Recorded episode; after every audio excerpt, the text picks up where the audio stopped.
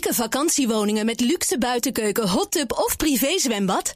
Het kan allemaal op Straaprechtse Venne. Het luxe vakantiepark midden in de Brabantse natuur. Investeren en recreëren? Ontdek het op Brabantisprachtig.nl. Altijd en overal alle BNR-podcasts. Download de gratis BNR-app. BNR Nieuwsradio. The Big Five. Diana Matroos. De wereld van de opsporing en vervolging is flink in beweging. Van de fikse kritiek op het OM in de zaak Peter R. Vries... een grondige vernieuwing van het wetboek van strafvordering... waarin regels voor opsporing, vervolging en berechting staan... tot een boeiende discussie rond DNA-databanken. In BNR's Big Five van de opsporing en vervolging... spreek ik daar deze week over met vijf kopstukken... van de top van de advocatuur, het OM en de misdaadverslaggeving... tot de wetenschap van alle wil ik weten. Hoe goed zijn we nou in Nederland? Vandaag doe ik dat met uh, Christiane de Poot. Zij is hoogleraar criminalistiek aan de Vrije Universiteit. En tevens lector forensisch onderzoek aan de Politieacademie en de Hogeschool van Amsterdam. En ze is echt een absoluut expert als het gaat om uh, onderzoek naar sporen, verhoren en de interpretatie van bewijsmateriaal. Want je doet uh, daar al vanaf nou, de jaren negentig, hè? Ja. Geloof ik, onderzoek naar. Klopt. de hele tijd. Ja, dankjewel. Welkom, fijn dat je er bent. Ja, ik leuk om hier te zijn, dank je. Uh, ik ga straks natuurlijk uitgebreid met je praten wat er nou gebeurt op het moment dat je op het plaatsdelict bent. Hè, en hoe daar dan dat onderzoek uh, gaat en wat daar dan moeilijk uh, aan is. Maar voordat ik dat ga doen, wil ik twee dingen van je weten. En het eerste is: wat moet je nou in de basis begrijpen van de wereld opsporing en vervolging. En jouw kant zit meer aan het opsporingsstuk. Wat moet je in de basis begrijpen in deze tijd van jullie vak? Ja, ik denk dat het sowieso altijd bij opsporing belangrijk is om je te realiseren dat het gaat om het reconstrueren van een gebeurtenis die in het verleden heeft plaatsgevonden. Zelfs bij proactief opsporen, dus als je wil kijken hoe dingen nu gaan, dan nog ga je uit van gebeurtenissen uit het verleden. Dat zijn je aanknopingspunten. En om een gebeurtenis uit het verleden te reconstrueren, moet je dus vanuit de gevolgen van een gebeurtenis zien terug te redeneren hoe die gebeurtenis heeft plaatsgevonden. En die gevolgen, dat zijn, nou ja, dat zijn de sporen op de likt, maar ook de digitale sporen, de camerabeelden en de, de geheugens van mensen. Dus de getuigenverklaringen die gebaseerd zijn op, ge, op het geheugen van mensen.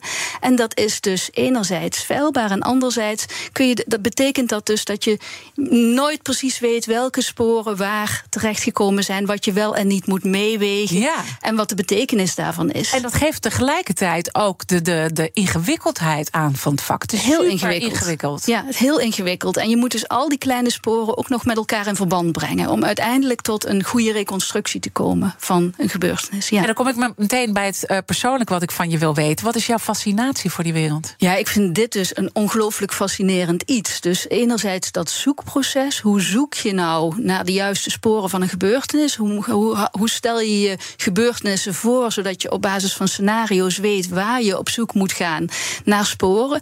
En vervolgens ook dat met elkaar in verband brengen van sporen. En ik vind vind het ook heel fascinerend dat daar dus nou, de kans dat je fouten maakt groot eigenlijk wel groot is. En dat we dus moeten proberen vooral rechterlijke dwalingen te voorkomen. Dus hoe zorg je dat je niet ja, ja. te veel waarde gaat hechten aan sporen die eigenlijk ja, er niks mee te maken hebben, niet belangrijk zijn of die gewoon niet helemaal kloppen.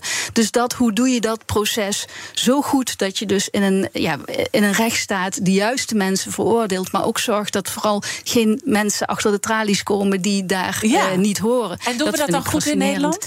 Ja, ik vind dat we dat op zich hebben we daar we hebben daar in Nederland heel veel aandacht voor.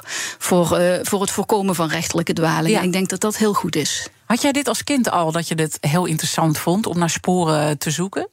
Uh, is dat pas veel later gekomen? Nou, ik denk dat het wel iets later gekomen is. Ik, ik had niet het gevoel toen ik kind was dat ik uh, detective wilde worden. Nee, dus, nee, dat hebben heel veel kinderen namelijk wel. Ja. Of, of politie. Politie, of, hè, nee, het zat wel niet. onderzoeker. Ik denk Ja. dat ik wel altijd een, een onderzoekende uh, geest had. We wilden, wilden weten hoe dingen in elkaar zaten. Ja, dat, is belangrijk. Jij, jij praat echt vanuit de wetenschap. Hè? Dus dat perspectief hebben we vandaag. Ehm, als we dan even gaan kijken naar ehm, het bewijs en de dader vinden, hè, dan is sporenonderzoek natuurlijk cruciaal. En je hebt al aangegeven dat het gewoon heel ingewikkeld is. Wat is het allermoeilijkste eraan? Ik denk dat er een aantal uh, fasen in het proces heel erg moeilijk zijn. Als je gaat zoeken naar sporen op een plaatselijk, dan betekent dat dat je eigenlijk allereerst moet je die sporen vinden. Nou, onze waarneming wordt gestuurd door verwachtingen. Dus wat wij verwachten te zien, dat vinden we, maar wat we niet verwachten te zien, dat vinden we niet. Dat zien we ook letterlijk over het hoofd. Blijkt ook uit onze onderzoeken. Dus allereerst is die, die waarneming van sporen superbelangrijk. Als je die sporen niet ziet op een plaatselijk, is er ook nooit meer iemand die kan zeggen dat je daar iets over het hoofd hebt gezien. Want die plaatselijk wordt maar één keer onderzocht.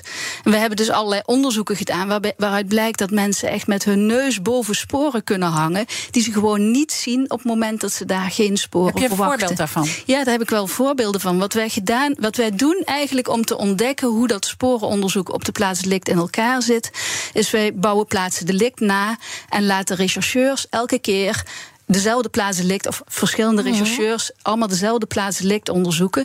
Maar wij veranderen de condities waaronder rechercheurs dat kunnen doen. Dus de ene rechercheur krijgt bepaalde voorinformatie die er die waaruit afleiden dat het misschien wel een zelfmoord is. De andere groep rechercheurs krijgt voorinformatie waaruit je af kunt leiden dat het misschien een moordzaak is. En een derde groep rechercheurs krijgt geen voorinformatie. En dan blijkt dus dat dat soort vooroordelen van mensen ja, invloed kan hebben op waar ze überhaupt zoeken naar sporen en waar niet. Maar ook de ruimte. Als een ruimte er niet verstoord uitziet, bijvoorbeeld een badkamer waar verder niks gebeurd is, dat was een opvallende bevinding uit een van onze, onze experimenten, dan, um, dan zoeken ze daar niet heel gericht naar sporen. Terwijl als ze zich een scenario voorstellen waarin de sporen in die badkamer logisch zijn, bijvoorbeeld omdat een verdachte gewond geraakt is, dan gaan ze wel bij de kraan en de wasbak op zoek naar sporen. En dan vinden ze opeens die bloedspoortjes die daar zaten wel. Nou, bij dat moord-zelfmoordscenario hadden we onder andere een spoor bij de, ja, bij de uitgang van de, van de deur. Mhm. Als je aan een zelfmoord denkt, dan is het de, het incident afgelopen op het moment dat het slachtoffer overleden is. Op het moment dat het moord is, gebeurt er daarna nog iets. Namelijk de verdachte gaat nog weg.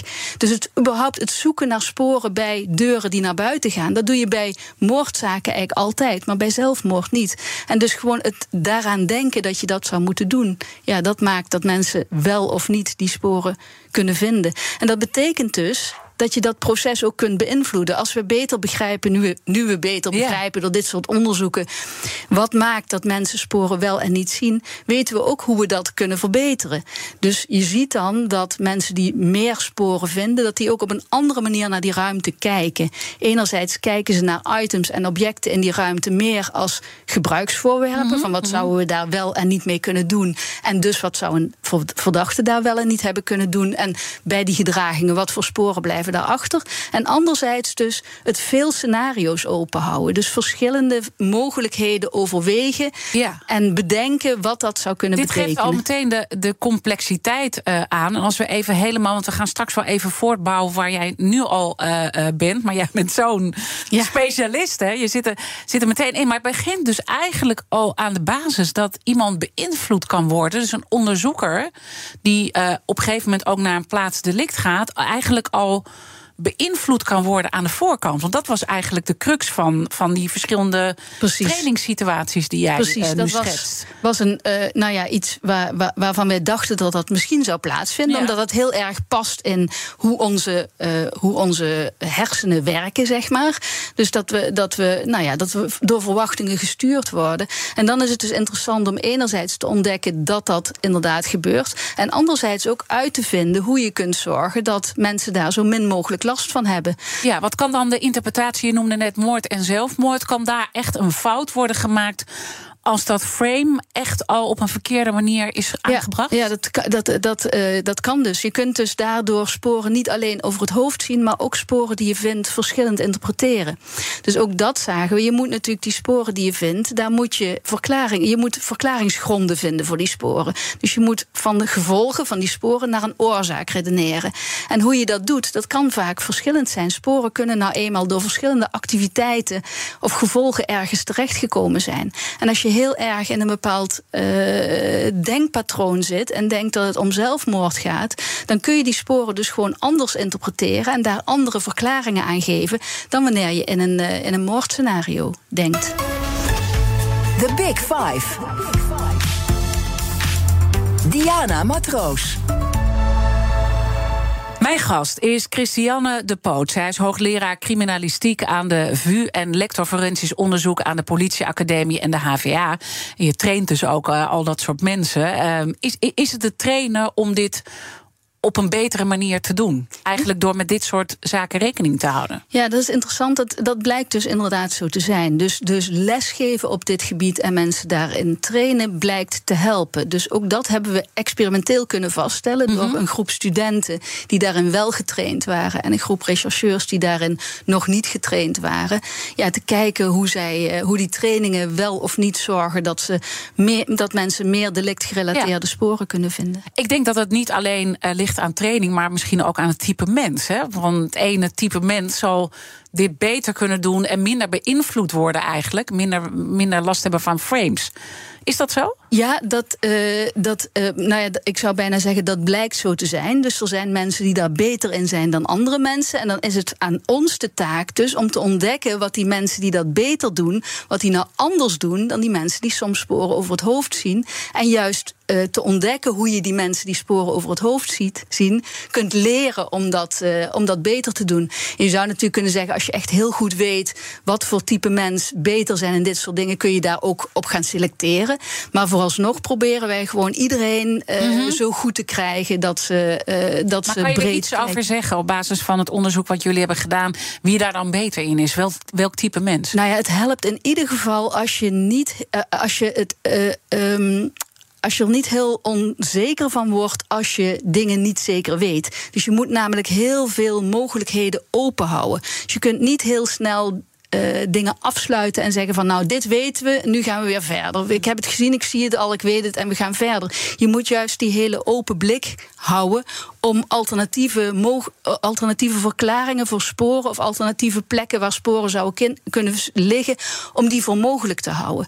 Dus, dus dan helpt het om uh, ja, wij noemen dat in de psychologie niet for closure. Wij veronderstellen dat nou ja, een, uh, minder niet for closure helpt. Hoewel we dat eerlijk gezegd nog nooit hebben kunnen aantonen. We hebben daar wel naar gezocht. Ja. Of dat een persoonlijkheidskenmerk is die, die hel dat helpt bij het, uh, bij het vinden van sporen. We hebben dat zelf nog niet kunnen aantonen. Oké, maar dit is in ieder geval uh, heel erg belangrijk. En als je het misschien vergelijkt, op een gegeven moment komt uh, iets bij het NFI natuurlijk ook uit. En dan wordt het uh, nader onderzocht.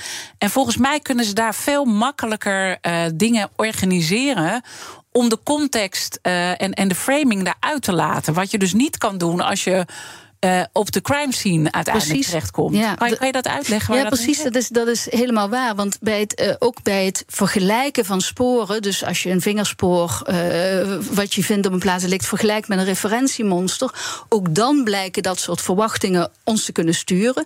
Dus als je denkt dat dat spoor van dezelfde bron afkomstig is, dan hecht je meer waarde aan de overeenkomsten dan aan de verschillen. Dus tussen die spoortjes, dus die verschillen verklaar je weg. Terwijl als je denkt dat het van een verschillende bron afkomstig is, dan hecht je meer waarde aan die verschillen. En er zijn altijd wat verschillen tussen een referentiemonster en een mm -hmm. spoor op de plaats ligt. Dus op, bij het Nederlands Forensisch Instituut weten ze dat al vrij lang en hebben ze een heel goed systeem waardoor mensen die die directe sporenvergelijkingen moeten maken, en trouwens, dit sporenvergelijking gebeurt bij de politie, daar hebben ze ook een heel goed systeem bij Havang, uh, systeem, uh, sporenvergelijkingen moeten maken, dat die dus geen contextinformatie krijgen. Dus dat die geen idee hebben van uh, of, we, of dat die bron bron hetzelfde of verschillend is. Zij krijgen geen enkele informatie. En, die bron uh, hetzelfde of verschillend is, kan je dat iets meer laten ja, dus, aan de hand van een voorbeeld? Ja, dus uh, een vingerafdruk op de plaats delict vergelijk je met een, uh, met een met, ik zeg maar eens even, je hebt een, een spoor, een referentiemonster van een verdachte. En dat wil je laten vergelijken met een spoor wat op een plaats delict is, heeft, is gevonden. En als je denkt dat die verdachte inderdaad dat spoor heeft achtergelaten, of dat die kans heel erg groot is, dan ga je dat spoor dus anders interpreteren dan wanneer je denkt dat dat uh, niet van diezelfde verdachte, niet van die verdachte afkomstig is. Dus dat soort verwachtingen kunnen ook bij, nou zelfs bij, bij DNA-profielen, maar in ieder geval bij vingersporen is het heel goed aangetoond dat dat soort verwachtingseffecten ja, invloed hebben. Dus hoe minder context mensen hebben bij het maken van dat soort vergelijkingen, hoe zuiverder die vergelijkingen gebeuren. Is het soms ook wel belangrijk om bij zo'n NFI-onderzoek wel die context mee te geven? Nou ja, dat ligt eraan wat, wat hun taak is, zeg maar. Dus uh, als het, uh, het, het, het, kan de taak zijn om uh, nou ja, van een schoenspoor bijvoorbeeld te kijken of daar unieke kenmerken aan zo'n spoor zitten, zodat je dat aan een unieke dader kunt koppelen. En dan is de vraag die je, eigenlijk is de vraag altijd, als je sporen vergelijkt, is gegeven een bepaald scenario, bijvoorbeeld gegeven het feit dat de, deze verdachte dat schoenspoor heeft achtergelaten hoe groot, is, uh, hoe groot is dan de kans op het vinden van die waarnemingen? Ten opzichte van stel dat een willekeurige andere die schoen had achtergelaten, dat schoenspoor had achtergelaten, hoe groot is dan de kans dat je dat vindt? Nou ja, als je niet heel veel identificerende kenmerken vindt, dan kun je zeggen, ja, dat schoenspoor kan best door de verdachte achtergelaten zijn, maar kan ook door een willekeurige andere achtergelaten zijn met hetzelfde type schoenen. En op dat moment, uh, op het moment dat dat soort vergelijkingen gemaakt moeten worden, is het belangrijk of voor de rechter of voor degene die het NFI vragen stelt, om te weten wat de a priori kans is dat die verdachte zo'n spoor heeft achtergelaten. Mhm. Want soms is het inderdaad een schoenspoor dat je via een databank vergelijkt en je komt de verdachte op het spoor. Maar het kan ook dat je al nou ja, vier of vijf mensen uh, aangehouden hebt, die uh, bijvoorbeeld uh, samen verantwoordelijk zijn voor een delict, waarvan maar één van die personen het type schoen heeft ja. wat een afdruk heeft en, achtergelaten. En moet jij dan nu meteen ook denken aan die uh, Meijner Tjoeker-zaak in, nou ja, we moeten wel lang ja. terug, hè, in 1997, want je hebt die zaak toen op de voet gevolgd. En ik hoor heel veel parallellen ja, eigenlijk klopt. met wat je nu zegt. Even, even een kleine opfrisbeurt voor de mensen die denken, oh ja, wat was dat ook alweer? dat was in Leeuwarden na een avondje stappen. Hij zag vier jongens die met fietsen aan het smijten waren. Sprak ze aan en uh, even later werd hij in elkaar getrapt en overleed hij. Uh, en hij was eigenlijk uh, ja, de eerste waar een stille tocht was hè, rondom zinloos geweld. Dat kwam heel erg binnen in Nederland. Uh, en, en die zaak is nooit uh, goed rondgekomen. Dat had dus ook met dit aspect te had maken. Ook met dit aspect te maken en ook met een ander aspect wat heel interessant is. Het eerste aspect was inderdaad dat er eigenlijk vri vrijwel kort na de, uh, dat uh, Meijner Tjulker was komen te overlijden, die vier verdachten werden aangehouden. En daar was ook geen twijfel over die, die, die, dat die vier mensen betrokken waren geweest ja. bij die vechtpartij. Dat stond buiten kijf eigenlijk. En daar werd dus inderdaad een schoenspoor aangetroffen waarvan op dat moment door de deskundigen de vergelijking werd gemaakt van gegeven het scenario dat deze verdachte het schoenspoor heeft, heeft veroorzaakt, hoe groot is de kans dat het uh, spoor er zo uitziet, ten opzichte van gegeven dat een willekeurige andere met uh, Nike Air schoenen of zo dat spoor heeft veroorzaakt. En dat bleek dus nou ja, relatief weinig bewijswaarde te hebben, omdat het wel duidelijk een Nike Air was, maar niet uh, bepaalde specifieke kenmerken van afslijt of weet ik veel wat, waardoor je dat heel specifiek aan een verdachte kon toekennen. Maar die drie andere verdachten hadden hele andere schoenen. Dus als het één van die vier verdachten was, krijg je een hele andere interpretatie. Dan is het opeens wel een belangrijk, ja, heel duidelijk wie dat schoonspoor. Ja, hoe kijk je dan terug op die zaak? Hoe dat, hoe dat is gegaan? Nou, de, het is interessant dat, dat er dus in eerste instantie heel weinig waarde gehecht werd aan, uh, aan die vraag van welke bron is dat schoenspoor afkomstig. Omdat de onderzoekers van het NFI eigenlijk de verkeerde vraag gekregen hebben. Of in ieder geval de verkeerde alternatieve ja. hypothese daartegenover gesteld hebben. Namelijk standaard van kan het van een willekeurige andere afkomstig zijn. Terwijl in dat geval had je moeten, moeten zeggen van ja, kan het van deze of kan het van een van de drie andere afkomstig zijn? Dat zijn namelijk. En hier was het dus wel belangrijk om misschien wel meer context aan te brengen. Da daar zou het belangrijk zijn om meer context aan te brengen. En dat, dat is dan ook de vraag in het forensische proces. Aan wie de verantwoordelijkheid om die a priori kansen te bedenken? Vaak wordt gezegd van ja, dat moet de rechter bedenken wat de a priori kansen zijn. Maar in feite kun je op verschillende momenten kun je al uh, de deskundigen die betrokken zijn bij zo'n zaak voeden. En van de ene kant kun je zeggen van ja, maar dat is contextinformatie die ze niet moeten weten, want ze Precies, moeten helemaal niet weten. uitgelegd, dat hè, heb ik net uitgelegd. Maar je kunt wel zodanig over bewijs praten dat je zegt van nou, aan, aan zich zie ik geen unieke kenmerken. Maar als je het vergelijkt met deze drie anderen, dan is dit de enige die dat spoor kan ver- veroorzaakt hebben. Maar als er nog andere verdachten, willekeurige andere, eh, nou ja, als dat een, een, een, een eh, Mhm. realistisch scenario is, ja, dan is het een spoor met relatief weinig Dus bewijswaarde. dat zie je maar. Dit is de hele dunne lijn waarop bewogen moet worden. Van wel- wanneer geef je wel context mee, Precies. wanneer niet. en, en En wat doe je met die context? En in feite is het ook een kwestie van dat je eigenlijk moet. Ehm, beschrijven in je proces welke contextinformatie je hebt gekregen en wat je daar wel en niet mee doet. Dus da- dat je dat, dat, daar moet je gewoon eigenlijk expliciet over zijn. Wa- wa- Want eigenlijk geldt dat ook als je. Nou, ja, eigenlijk, nou laat ik Ja. terug op mijn Tjulk, want die zaak was in twee opzichten interessant. Want vervolgens hadden ze dus wel, nou ja, min of meer die bron van dat spoor stond toen buiten kijf. Van het was een van die vier jongens. Maar toen was de vraag van ja, maar is dat spoor wel of niet? Eh, de, de oorzaak van, de, eh, van, van, eh, Van het overlijden. overlijden geweest. Dus stond ook het activiteitsniveau ter discussie. Want die jongen die dat spoor had achtergelaten, zei, meen ik, dat hij alleen maar de moord had proberen te voorkomen. Nou ja, dan wordt het weer twee alternatieve scenario's op activiteitsniveau die je tegenover elkaar zet. En daar heb jij ook interessante onderzoeken naar gedaan. Ook met vingerafdrukken op kussens. Hè, met een kussenmoord. We gaan toch wel even in die duistere wereld van de moord eh, duiken. Laten we dat zo meteen in het eh, tweede half uur doen. Mijn gast is Christiane de Poot. Het gaat allemaal om het eh, interpreteren uiteindelijk van bewijs ook. En daar gaan we het zo meteen ook over hebben. Ook als het gaat over digitaal sporenonderzoek. Blijf luisteren. Toekomstbestendig beleggen? Investeer in een luxe vakantiewoning op eigen grond midden in de Brabantse natuur met een rendement van 5,5%. Vakantiepark Strabrechtse Venne opent komend voorjaar. Ontdek het op investereninbrabant.nl.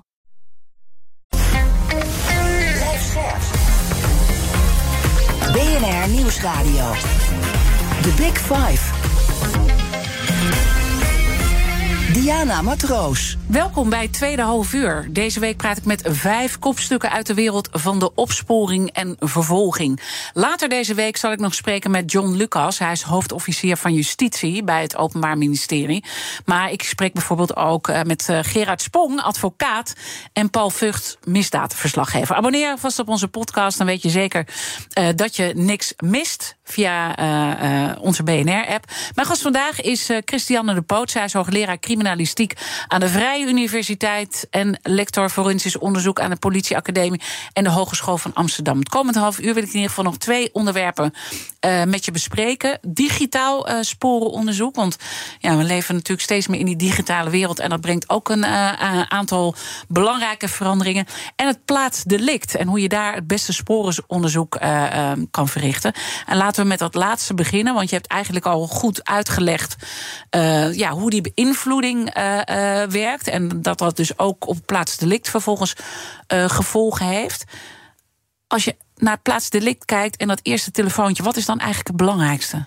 Ja, dat eerste telefoontje is dus inderdaad heel erg interessant. Dat telefoontje vanuit de meldkamer of vanuit de tactische recherche aan de forensisch rechercheurs die naar een plaatsdelict gaan, dat kan al heel erg framen hoe mensen naar een plaatsdelict toe gaan en eh, wat ze voor mogelijk houden.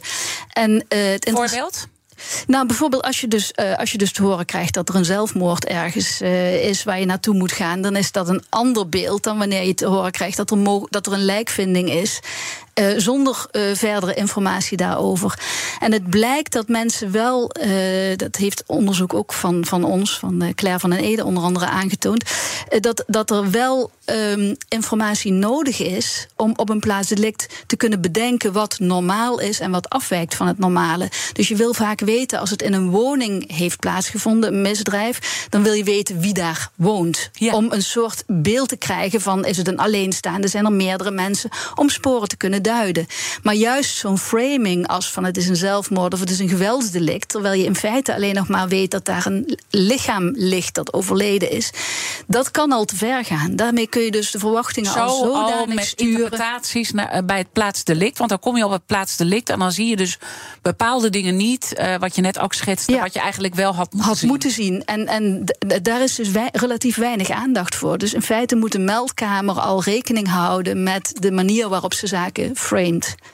Uiteindelijk eh, komt de rechercheur aan op plaats eh, delict. En dan begint eigenlijk, je, jij beschrijft het ook ergens als een puzzel. Hè? Die puzzel die je moet maken en die eh, ongelooflijk lastig is. Neem ons mee naar plaats delict. En, en, en wat, wat maakt die rechercheur dan allemaal mee?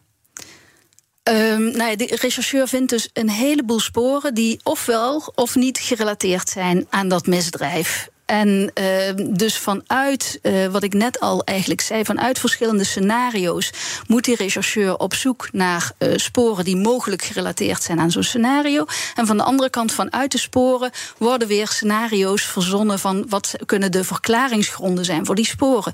Dus er zijn een heleboel, ja, eigenlijk open vragen waar die rechercheur mee zit. Die kan niet anders als het een ernstig misdrijf is dan eh, veel sporen veiligstellen, omdat er elke keer alternatieve verklaringen voor die sporen kunnen zijn. Maar vervolgens, eh, nadat het plaatsdelict onderzoek is afgerond, zullen in feite keuzes moeten worden gemaakt eh, van welke sporen nader worden geanalyseerd. Ja.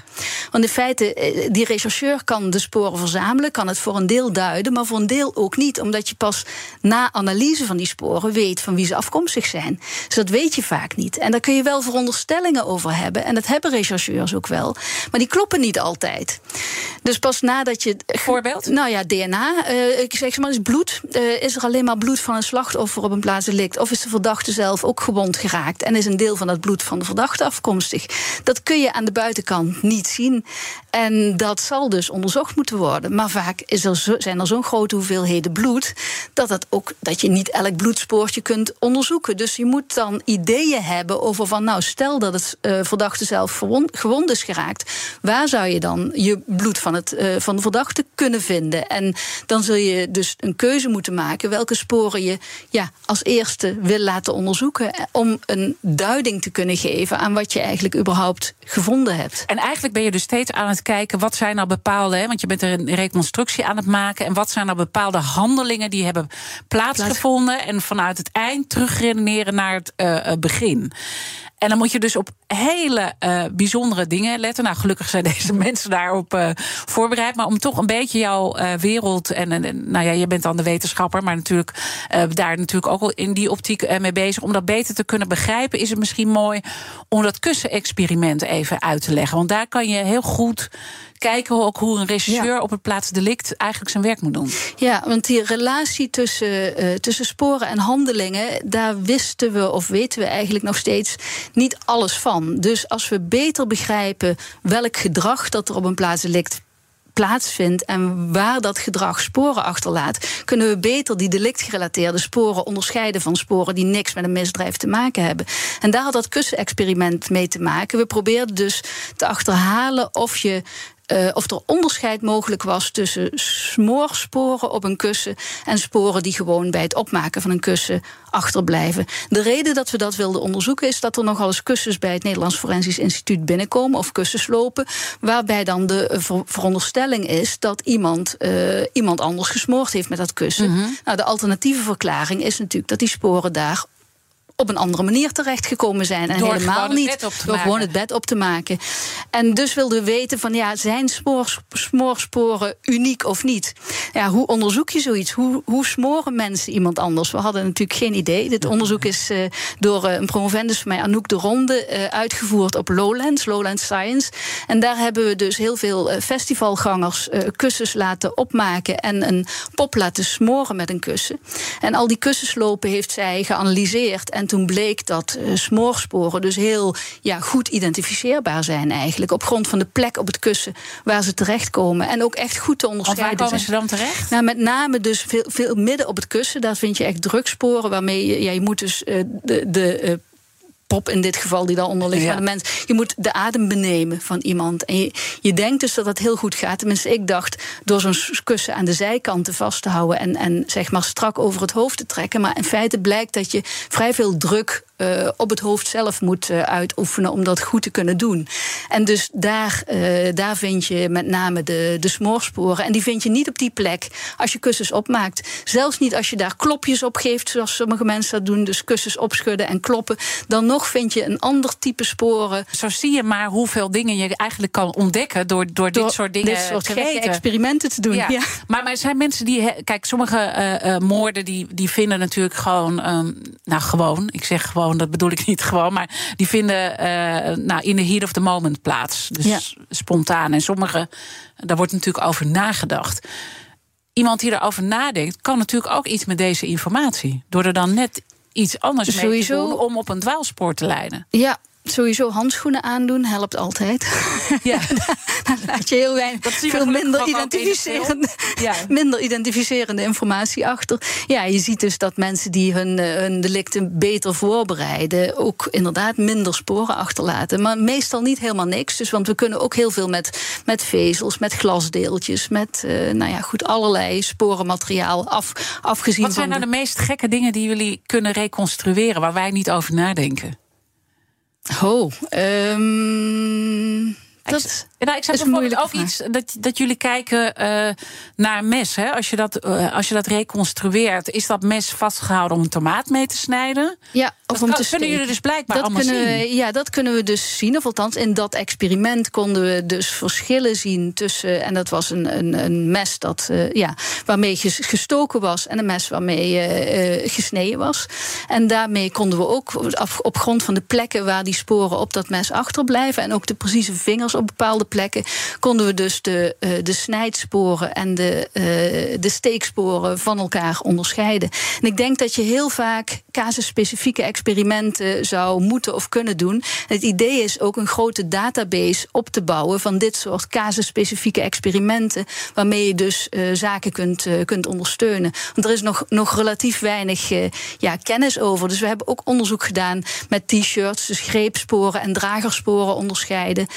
Um, ja, dus, dus, en we, en Dus je zegt dat moet eigenlijk veel meer beschikbaar komen, ook voor rechercheurs, zodat ze veel beter weten. Want het is altijd, ja, uh, uh, je, je, ziet alleen wat je ziet natuurlijk. Precies. En als je niet weet hoe je moet kijken, dan, uh, en daar kan je natuurlijk steeds in verbeteren. Precies, en die kennis helpt enerzijds om op de plaats delictus de goede sporen te vinden. En anderzijds om ja, de, de goede interpretatie te geven aan de sporen. Dus om afwegingen te kunnen maken tussen verschillende scenario's. En de waarschijnlijkheid dat je sporen op een bepaalde plek ziet, gegeven een bepaald scenario. En dat, ja, daar zijn we dus nu met, ons, uh, met een nieuw onderzoek, waar we weer twee promovendi op, uh, op Ja. hebben, ook weer, uh, weer mee bezig. Ja. Ja, wat leuk. Je bent echt uh, trots op al die mensen, merk ik. Heel je trots. steeds bij Ja. naam ook. Het is altijd zo aardig dat mensen dat doen en niet zeggen... nou, dat heb ik, heb ik uh, gedaan. Super trots op mijn promovendi. Ja. Eh, ehm, je hebt al heel duidelijk geschetst wat er allemaal van moeilijk is. Dus het begint bij dat eerste telefoontje. Daar vindt al heel veel beïnvloeding plaats. Dan uh, dat, dat, dat, dat, dat, ja, dat stuurt helemaal eigenlijk hoe je dat plaatsdelict uh, ingaat. En dat je daar heel veel technieken voor moet hebben om dat allemaal goed te kunnen. Uh, analyseren, juist misschien niet te veel analyseren, dingen open te laten. Hè, dat, dat, Ja. dat leer ik Ja. van jou. Maar aan het einde krijg je natuurlijk de verklaringen en de getuigen. Ja. En nou heb je, nou, daar, zitten ook mensen die Ja. mijn vak doen, hè? Ja. Vragen stellen. Ja. En ook in vragen kan je natuurlijk heel sturend zijn. Ja, nou ja, eigenlijk, eh, kijk, met een beetje geluk eh, zou ik bijna zeggen, begint het met de verklaringen. Want we hadden het nu over de ingewikkelde zaken waarbij in feite geen getuigen aanwezig zijn. De moordzaken waarbij een lichaam gevonden wordt en er geen getuigen geweest zijn. Maar vaak begint een opsporingsonderzoek ook wel met getuigenverklaringen. Mensen die naar het politiebureau gaan om een getuigenverklaring af te leggen. En soms zelfs de verdachte met naam en toenaam te noemen. En dan krijg je dus in feite waar ik eh, nou ja, in de jaren negentig mee begon, die vraag van hoe kun je nou, hoe kun je, hoe wordt een beeld dat je van een slachtoffer hebt, hoe kan dat impliciet ook weer je vraagkeuze gaan sturen? Dat was het onderzoek wat ik uh, destijds gedaan heb. Bleek dat als mensen het slachtoffer nou ja, betrouwbaar vonden overkomen, dat ze een ander type vragen stelden uh, bij een zeden, uh, zedendelict was dat, dan wanneer ze dat slachtoffer nou ja, minder betrouwbaar vonden. En dat waren hele subtiele verschillen in die vraagkeuze die wel degelijk invloed hadden op het antwoord en op het beeld dat men uiteindelijk van die situatie had. En als je dat dan doorredeneert naar een rechter die er uiteindelijk naar moet gaan kijken, uh, ja. Weegt hij daar dan heel veel belang aan, nou ja, aan die verklaring? Ja, ja want je, je, hebt niks. Je hebt op dat moment alleen die verklaringen. Dus op het moment dat uh, nou ja, proefpersonen die wij hadden, die we die verklaringen lieten lezen, en het grappige was, iedereen kreeg hetzelfde antwoord in dat onderzoek. Alleen mm -hmm. de vragen, de vraagkeuze was anders. Alleen al door die vraagkeuze kregen de mensen die die, die, die uh, verklaringen moesten beoordelen een ander beeld van de situatie. Uh, wanneer het vooroordeel van de nou ja, rechercheur, het waren proefpersonen, anders was. Dus dat, dat werkt enorm, dat kan enorm doorwerken. Ja. Unieke vakantiewoningen met luxe buitenkeuken, hot tub of privézwembad? Het kan allemaal op Straaprechtse Venne. Het luxe vakantiepark midden in de Brabantse natuur. Investeren en recreëren?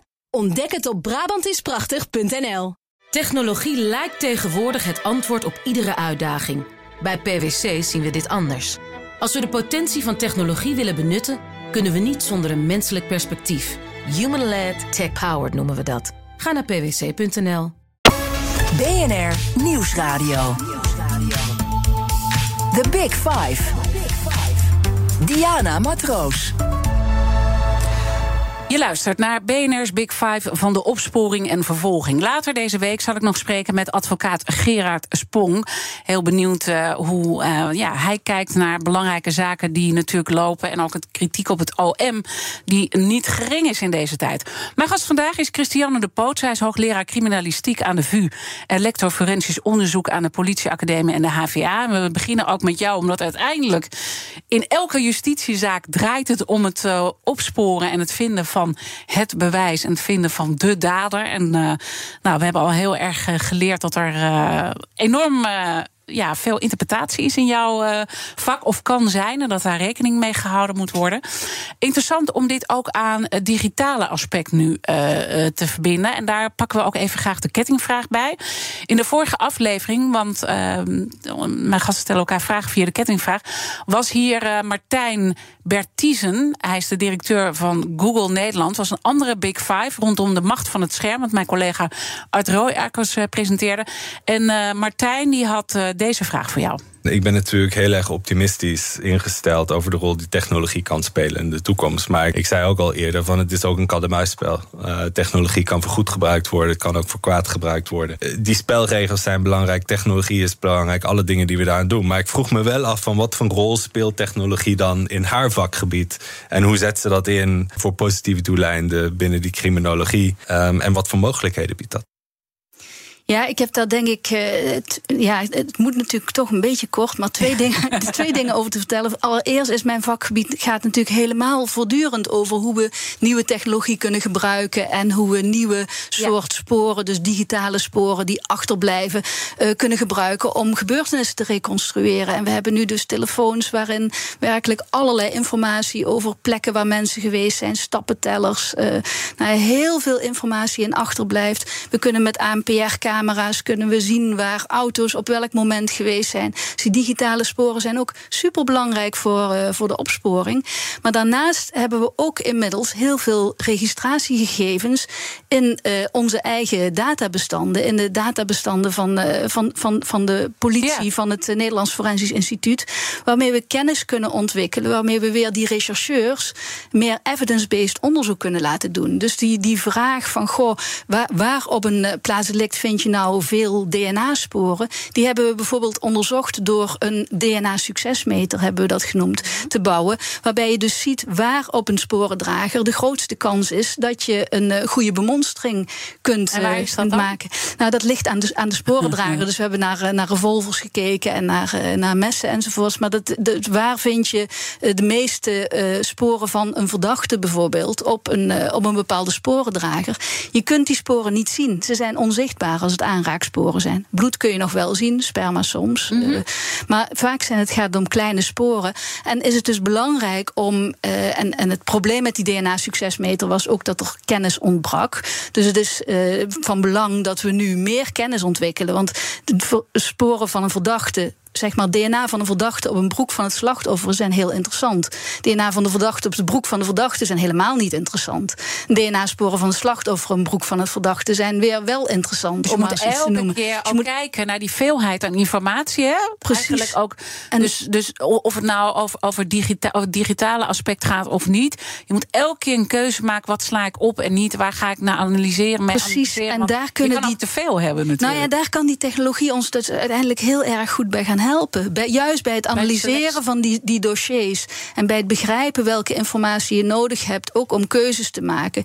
Welke keuzes moet je nou maken? Eh, welke sporen zijn het meest kansrijk? Wat betekent dit? Wat voor verklaringen kun je daaruit afleiden? Ik denk dat we dus een enorme schat aan informatie ook hebben in onze eigen databestanden, zeg maar, van, van politie, van het NFI.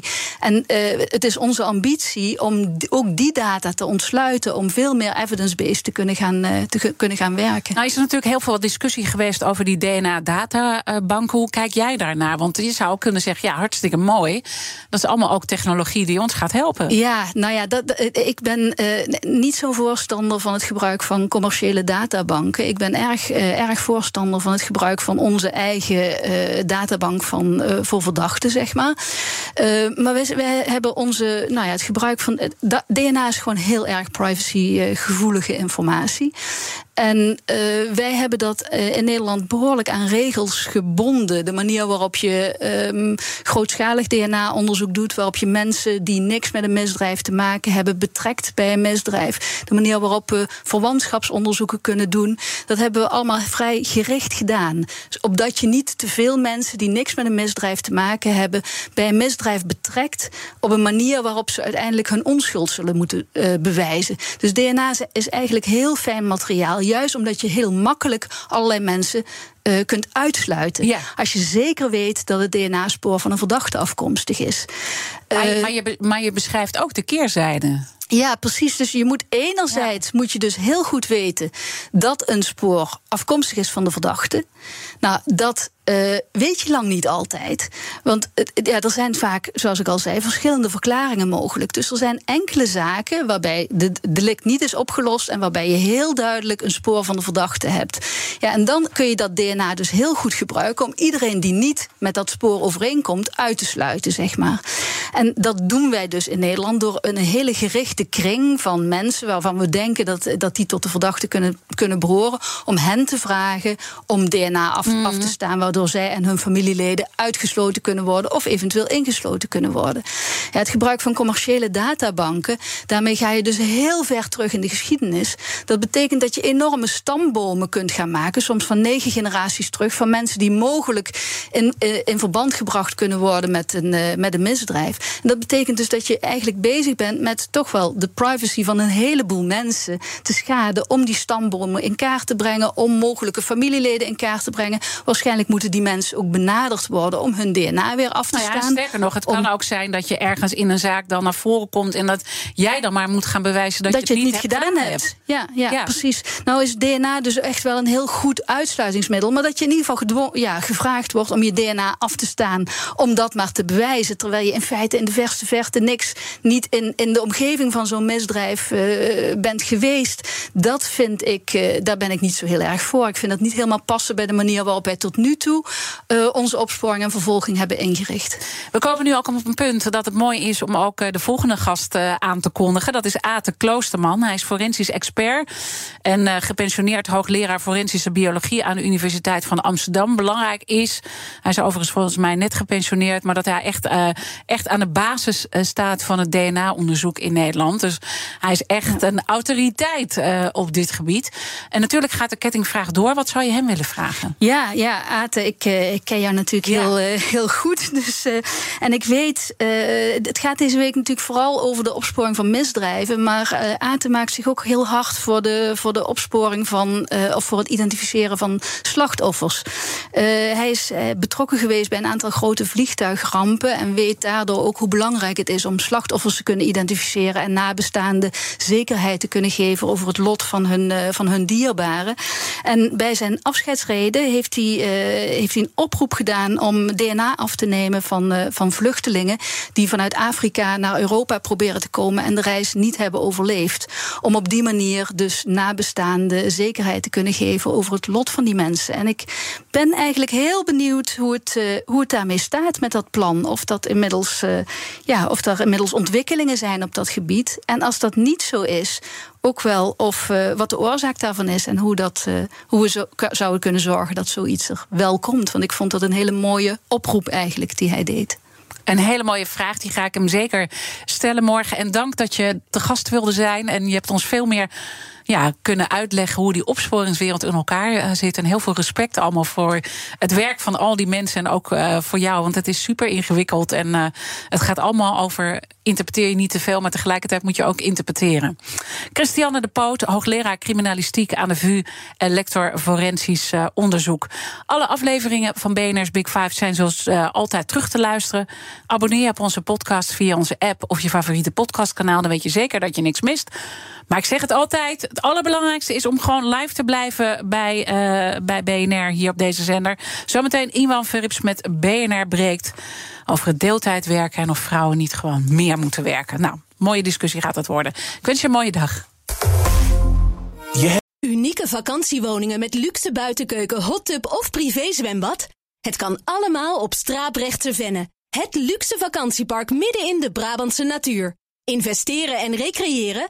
Ontdek het op Brabantisprachtig.nl